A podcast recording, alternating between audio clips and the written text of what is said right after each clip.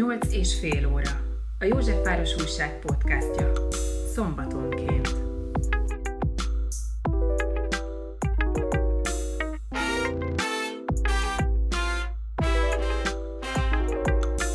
Ha létezik autentikus nyolcadik kerületi arc, már pedig léteznek ilyenek, akkor Bajtai Barangó Zoltán ilyen. Az egykori punkzenész, jelenleg autodidakta műfordító, sajátosan imbolygó mozgása messziről felismerhető, ahogy sréjen átvág a Rákóczi tér pokoli forróságot visszasugárzó térkövein a taverna felé, ahol aztán régi törzs vendégként rendel fröccsöt. Barangó fordít Bukovskit, Chuck Palanyukot, közben punk szellemiségű, de nem punk zenekarával alkot, fellép, nem sokára pedig egy új, saját könyve jelenik meg, összekompilálván Facebookos szubjektív hangulatszösszeneteit, melyeknek témája természetesen jó maga, és az a kerület, amely a nyolcadik.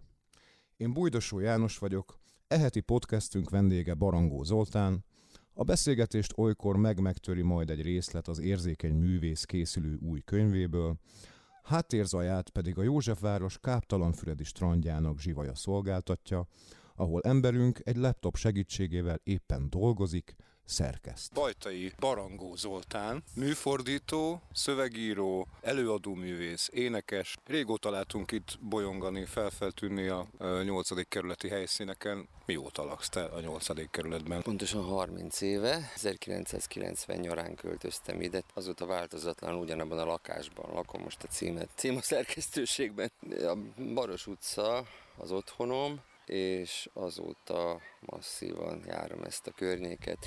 Régebben többet mozogtam, távolabbi helyeken, és most már, mint Seres Rezső. Mit mondott Seres Rezső, hogy tériszonya van, de viszintes irányba, hogyha elhagyja a hetedik kerületet. Most nem azért, hogy Serest idézem, vagy Seres sznobizmusból mondanám ezt, de valóban nem szeretek már átmászkálni Budára semmiképpen, azt csak nagy kényszer hatása alatt teszem. A hetedik kerület azóta játszott el nálam magát, amióta buli negyed lett. A kilencedikben még talán átmegyek, de leginkább tényleg maradok a Baros utcán és környékén. Mik a kedvenc helyéd a környéken? Amíg volt, addig a zsiga volt. De Ez hát egy vendéglátóipari egység volt, ugye? Kocsma, egy kocsma. A Horváth Mihály téren működött, és uh, talán egy vagy másfél év volt az a ami a zsiga virágkorának nevezhető, aztán ugye a teraszt betiltották, illetve nem adtak engedélyt az újranyitására, és akkor elszoktunk onnan máshová, kényszerből. A Rákóczi az mindenképpen maradt, kedvenc hely. Aztán... Beszéljünk arról, hogy ugye említettem, hogy műfordítóként dolgozol, mi most a legújabb munkád, mind dolgozol éppen? Ú, hát most épp fordítani nem fordítottam utóbbi, utóbbi időben túl sokat, és nem is szívesen csináltam ezt. Hát zenei könyvekre még így vissza tudok emlékezni, de például az ACDC soha nem tartozott kedvenceim közé, de kénytelen voltam két könyvet is lefordítani Angus Youngról és magáról a zenekarról is, de a Ramonsról azt, azt már jobban szerettem, de ezt már nagyon régen csináltam. Johnny Rotten szintén kedvencek közé tartozott, és most itt tényleg nehéz, nehezemre esik még csak felidézni. Bukowski például ő kedvenceim közé tartozik, de ezt általában most már szerkeztem, ezt például fordítja. És két sákpalanyuk regény volt az, ami még talán nem azt mondom, hogy büszke vagyok rá, mert nehéz volt, de csak paranyokról annyit kell ugye tudni, hogy az első regénye a Harcosok klubja volt, Fight Club, amiben az ismert film készült, mindenkinek ezt kell onnan és azonnal beugrik, és ö, későbbi regényei ö, pehére mindig ehhez mérik, és ö, természetesen a későbbi regényei nem lettek ennyire híresek. Nem is fogytak olyan jól, kritik, elég rossz kritikákat is kaptak, de két utolsó regényét azt, azt én fordítottam. Az egyik a Doomed, a halálra ítélt címet kapta, Damned volt az első, az elátkozott, és a Doomed, a halálra ítélt volt a második, és utána The Beautiful You című regény, amelynek ez lett a magyar címe is, mert ez egy termékneve volt. Akkor, amikor csináltam, nagyon utáltam, mert nagyon modorosnak, erőltetetnek, és nem tudom még minek tartottam, sokat szenvedtem vele, de így utólag azt mondom, hogy azért jó rá visszagondolni, mert nehéz volt, és valahogy megoldottam. Zenei téren mi a helyzet mostanság? Hogy miket csinálok? Pontosan.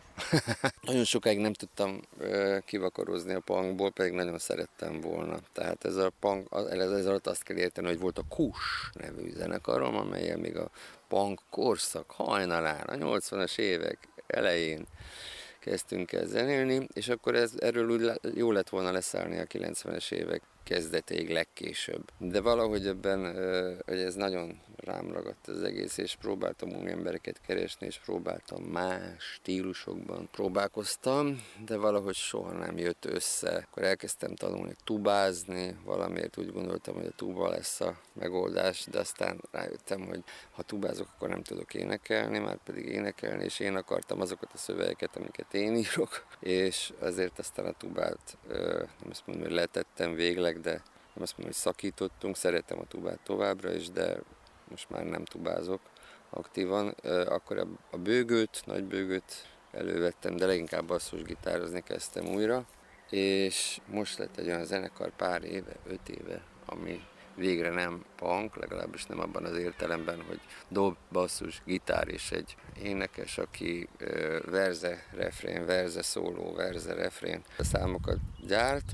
Ez leginkább a gitárt kellett kiiktatni, leginkább a semmi bajom bizonyos gitárosokkal, de valamiért úgy éreztem, hogy a basszusgitárt bántják a gitárosok, és, és ezért alakult ki a mostani felállás. Először az dob, basszus és noise, és ez aztán egy tenor szaxofon társult be, és akkor most egy ilyen dob, basszus, noise és tenor szaxofon, valamint én ének. A zenekar nevét, ha elárulnád. Demo Dex.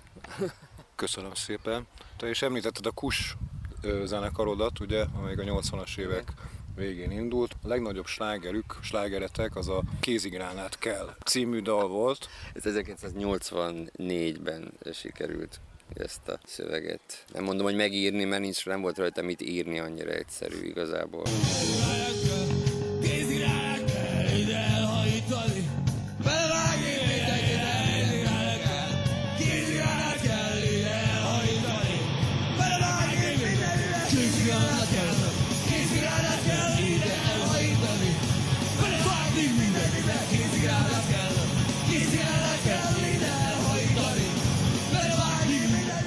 És ehhez mit szóltak az akkori hatóságok? Igazából az történt, hogy 83-ban, amikor a CPG-t lecsukták, 84-ben vettük ezt föl, de talán szerencsénkre előbb a basszusgitáros után a gitárost is elvitték katonának, és így körülbelül egy-másfél év kimaradt. Tehát nem léptünk fel konkrétan, hanem fölvettük, hát stúdió minőségben, mert a rá, Magyar Rádióban vettük föl, úgyhogy lefizettük tehát feketén lefizettük a stúdiósokat, még 84-ben, és ugye ez, ez a kazettán elkezdett forogni, de nem nagyon találtak meg minket, és a, a CPG-nek az volt a pehe, hogy ő, őket hat koncert után ültették le, mi így tulajdonképpen nem voltunk szem előtt, és 86 végéig, 87 elejéig nem is volt koncertünk. Én akkor leköltöztem Miskolcra, és az ápolókkal zenélgettem, és ezért aztán 87-ben, amikor elkezdtek, akkor igazából más idők voltak,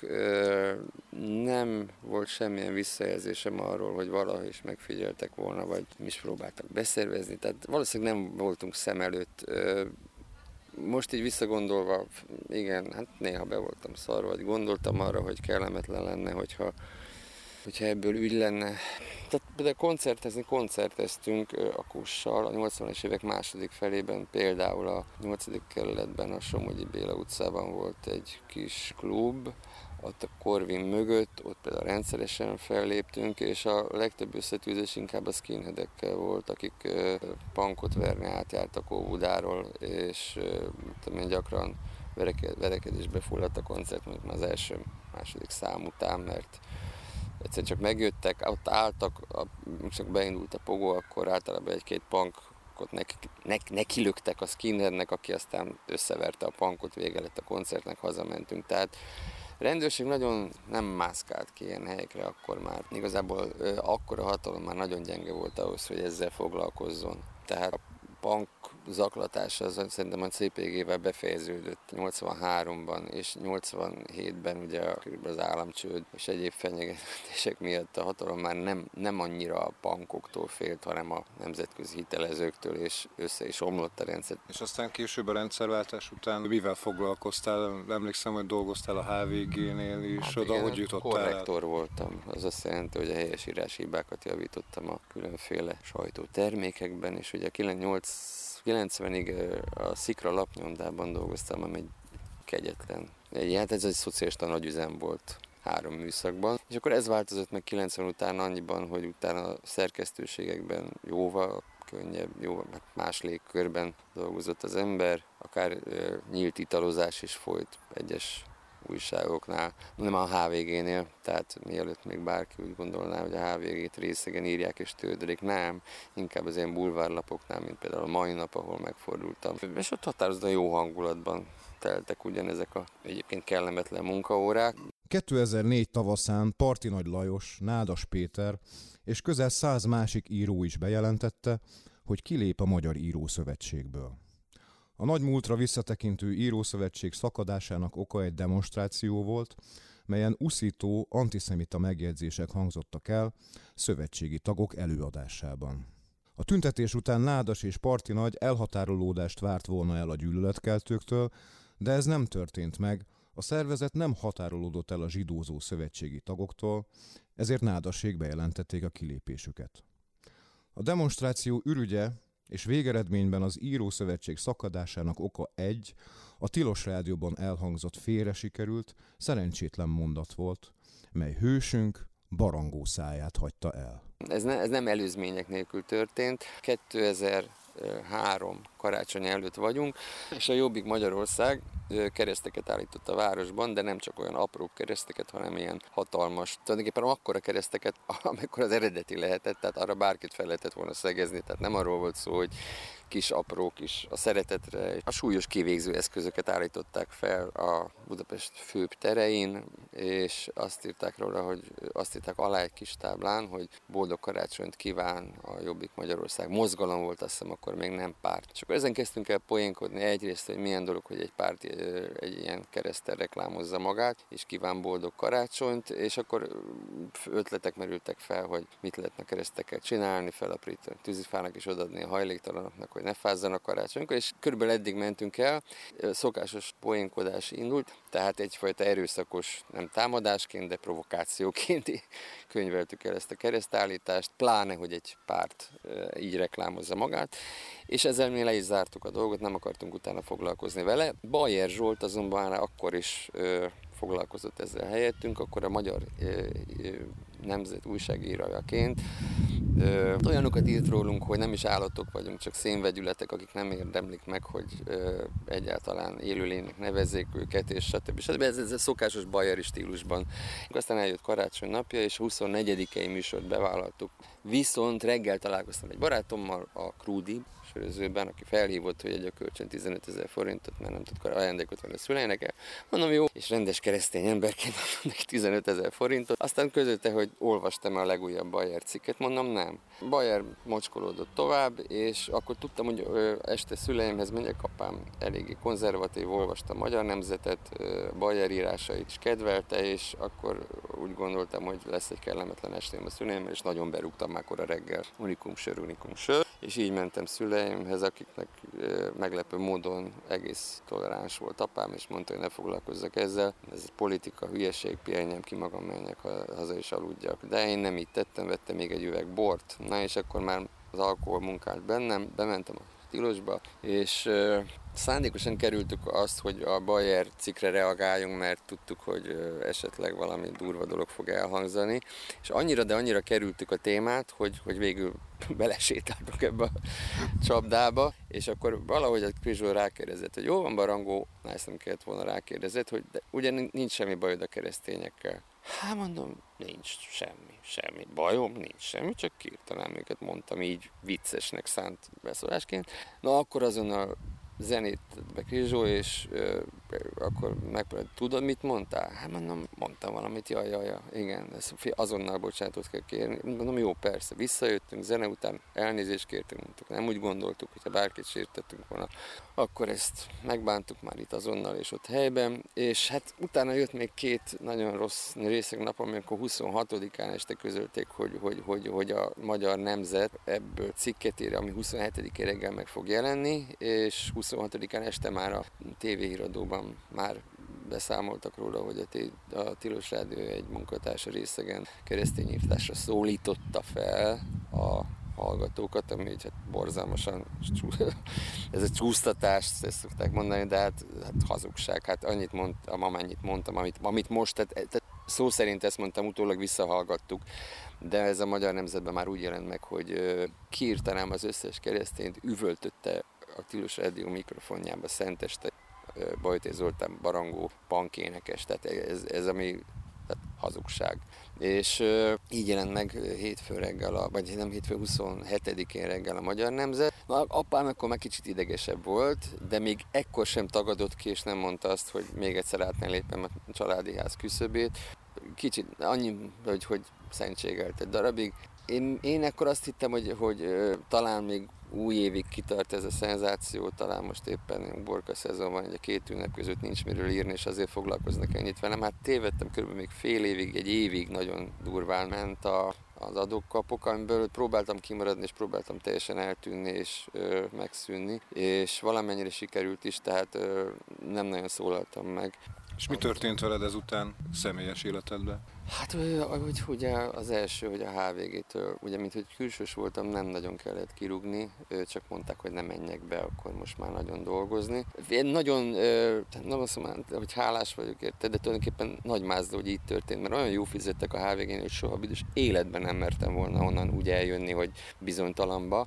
Már pedig ez a, hogy végül is aztán fordításból élek azóta, ez utána alakult ki fokozatosan, először egy-egy szerkesztéssel bíztak meg, aztán egyre többel, Kartafilusnál, és biztos voltam, lettem volna benne, hogy szerencsére úgy jöttek ezek a munkák, hogy, hogy a HVG után csak kb. fél évet voltam munkanélkül, és utána nagyon hamar bedolgoztam magam itt a könyvkiadónál szerkesztőként, meg később fordítóként, de hogy a HVG-t nem mertem volna ott hagyni, mert olyan jó fizettek, úgyhogy hogy tulajdonképpen szerencsés is voltam, hogy ilyen radikális szakítással vetettünk véget ennek a közös történetnek. Figyelj, hogyha én hinnék ilyenekben, hogy meg, megírták előre, akkor azt mondanám, hogy ez így volt kitalálva. De nem hiszek ilyenekben, az az egész stílusos történet nagyon kellemetlen, nagyon kínos volt, utólag visszagondolni is rá rossz volt, mert tulajdonképpen egy olyan tálcán szállítottam nekik egy olyan ö, kifakadást, amire, ami, ami, ami nekik a lehető legjobbkor jön. Tehát a tilost akkor már régóta basztatták különféle okokból, és más se hiányzott nekik, mint hogy valakinél így elszakadjon a cérna, és egy ilyet szóljon, és akkor utána rá, rájuk lehetett fogni mindent, hogy keresztény ellenesek, zsidók, és felforgatók, és hogy keresztény emberek torkát akarják elvágni. Tehát amíg én meg nem szólaltam, és nem mondtam ezt a hülyeséget, addig nem volt bizonyíték a tilos ellen. Belekötöttek egy-egy műsorba, hogy itt ez vagy az hangzott el, de egy ilyen mondatot senki nem szállított. Még az is felmerült volna, hogy én, én nekik dolgozom, de hát ez... Tehát ez a, jobb oldalnak. Hát igen, de hát nem ez a helyzet. Egyszerűen egy, egy hülye részek beszólásom volt, és, és az, hogy nekik Bayernek, Bayeréknek személyesen, nekik pont erre volt szükségük, hogy egy, egy ilyen részek hülye bemenjen oda, és, és egy ilyet mondjon, mert utána teljes letámadást lehetett indítani a, a tilos ellen. Mondom, tárcán szállítottam.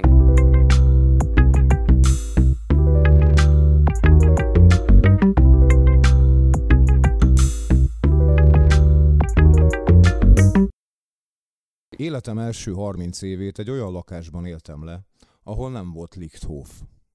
Éreztem, hogy nincs rendben valami a világgal, de soha nem jöttem volna rá, hogy ennek a furfangos szellőző aknának a fájó hiánya keseríti az életemet, ha 30 évesen nem költözök ide, ebbe a lakásba, melynek fürdőszobája, vécéje és éléskamrája is egy Lichthofra nyílik. Képes voltam mindenféle állindokokkal magyarázni ezt az édes, keserű, és innen az öregkor küszöbéről visszatekintve szánalmasan nevetséges világfájdalmat, amelyre hivatkozva majdnem sikerült halálba inni magamat. Olyan buta és gyermeteg magyarázatokat hoztam fel szuicid alkoholizmusomra, mint az élet értelmének hiánya, vagy a késő kádárkor kilátástalansága. Honnan is tudhattam volna, hogy egy jól megépített Lichthof hiányzik az életemből, amely forró drót a pokolba és a mennyországba, amelyen keresztül ég és alvilág társalog egymással, és ahová az emberek úgy eresztik ki életük minden bosszúságát és kicsinyes örömét, mint egy jól sikerült vacsora utáni, hosszan elnyújtott fingot, mely szomorúan visszhangzik a néma éjszakában. Mert a Lichthof hangszer is. Leginkább a tubára emlékeztet, amin több mint húsz évig játszottam, csak azért, hogy végül rájöjjek, ezt a hangszert nem nekem találták ki. Pedig sikerült végül eltubáznom Bach egyik fuvolaszonátáját is, de amikor megmutattam anyámnak a felvételt, ő szomorúan mosolygott. Nem a virtuóz futamokat, hanem a bizonytalan intonációt hallotta ki belőle. A 90-es években Szép József és felesége laktak felettünk, a hatodikon. Szép bácsi fotóművész volt, és amikor elkezdtem tubázni, átmenekült a lakásukkal szemközt kialakított műtermébe, szép néni viszont meglehetősen türelmesnek bizonyult. Amikor együtt vártuk a liftet, nagyon udvariasan érdeklődött, hogy baritonkürtön vagy tubán játszom-e. Aztán mind a ketten meghaltak, ahogy a harmadikon lakó házas pár is, akiktől azt tudtam meg a liftben, hogy a háború után egészen a körútig kellett kimenni vízért, mégis szebb volt akkor az élet, mert fiatalok voltak, és manapság nagyon pocsék lehet fiatalnak lenni. Aztán a manapság is elmúlt, és most vidám veszekedés, meg kétségbeesett gyereksírás hallatszik fel a Lichthofon keresztül a lakásukból. A múlt héten a bőti szelek falmorzsalékot fújtak be a fürdőszobámba a Lichthofból.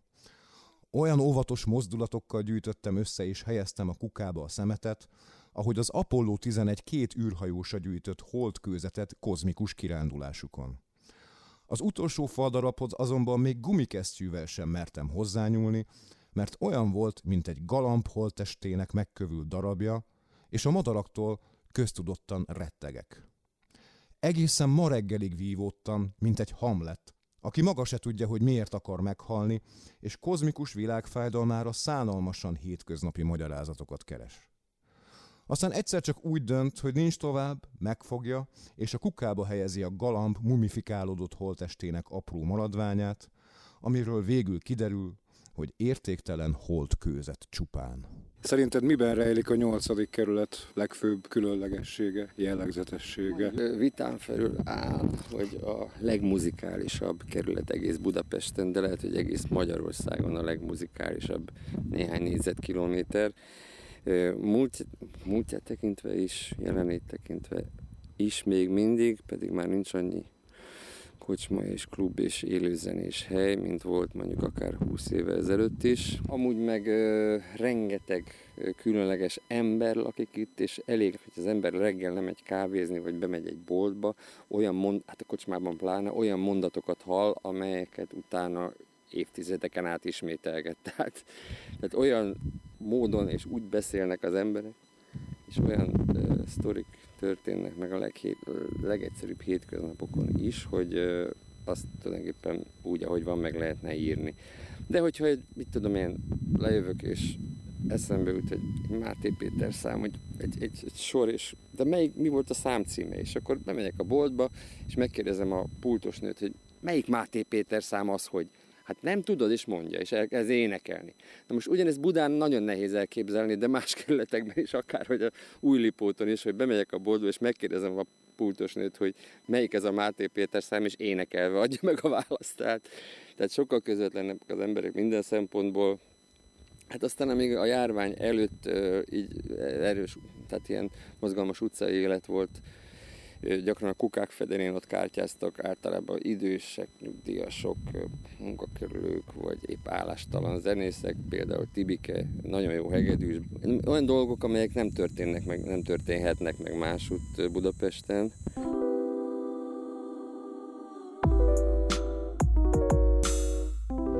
Nyolc és fél óra. A József Város Újság podcastja. Szombatonként.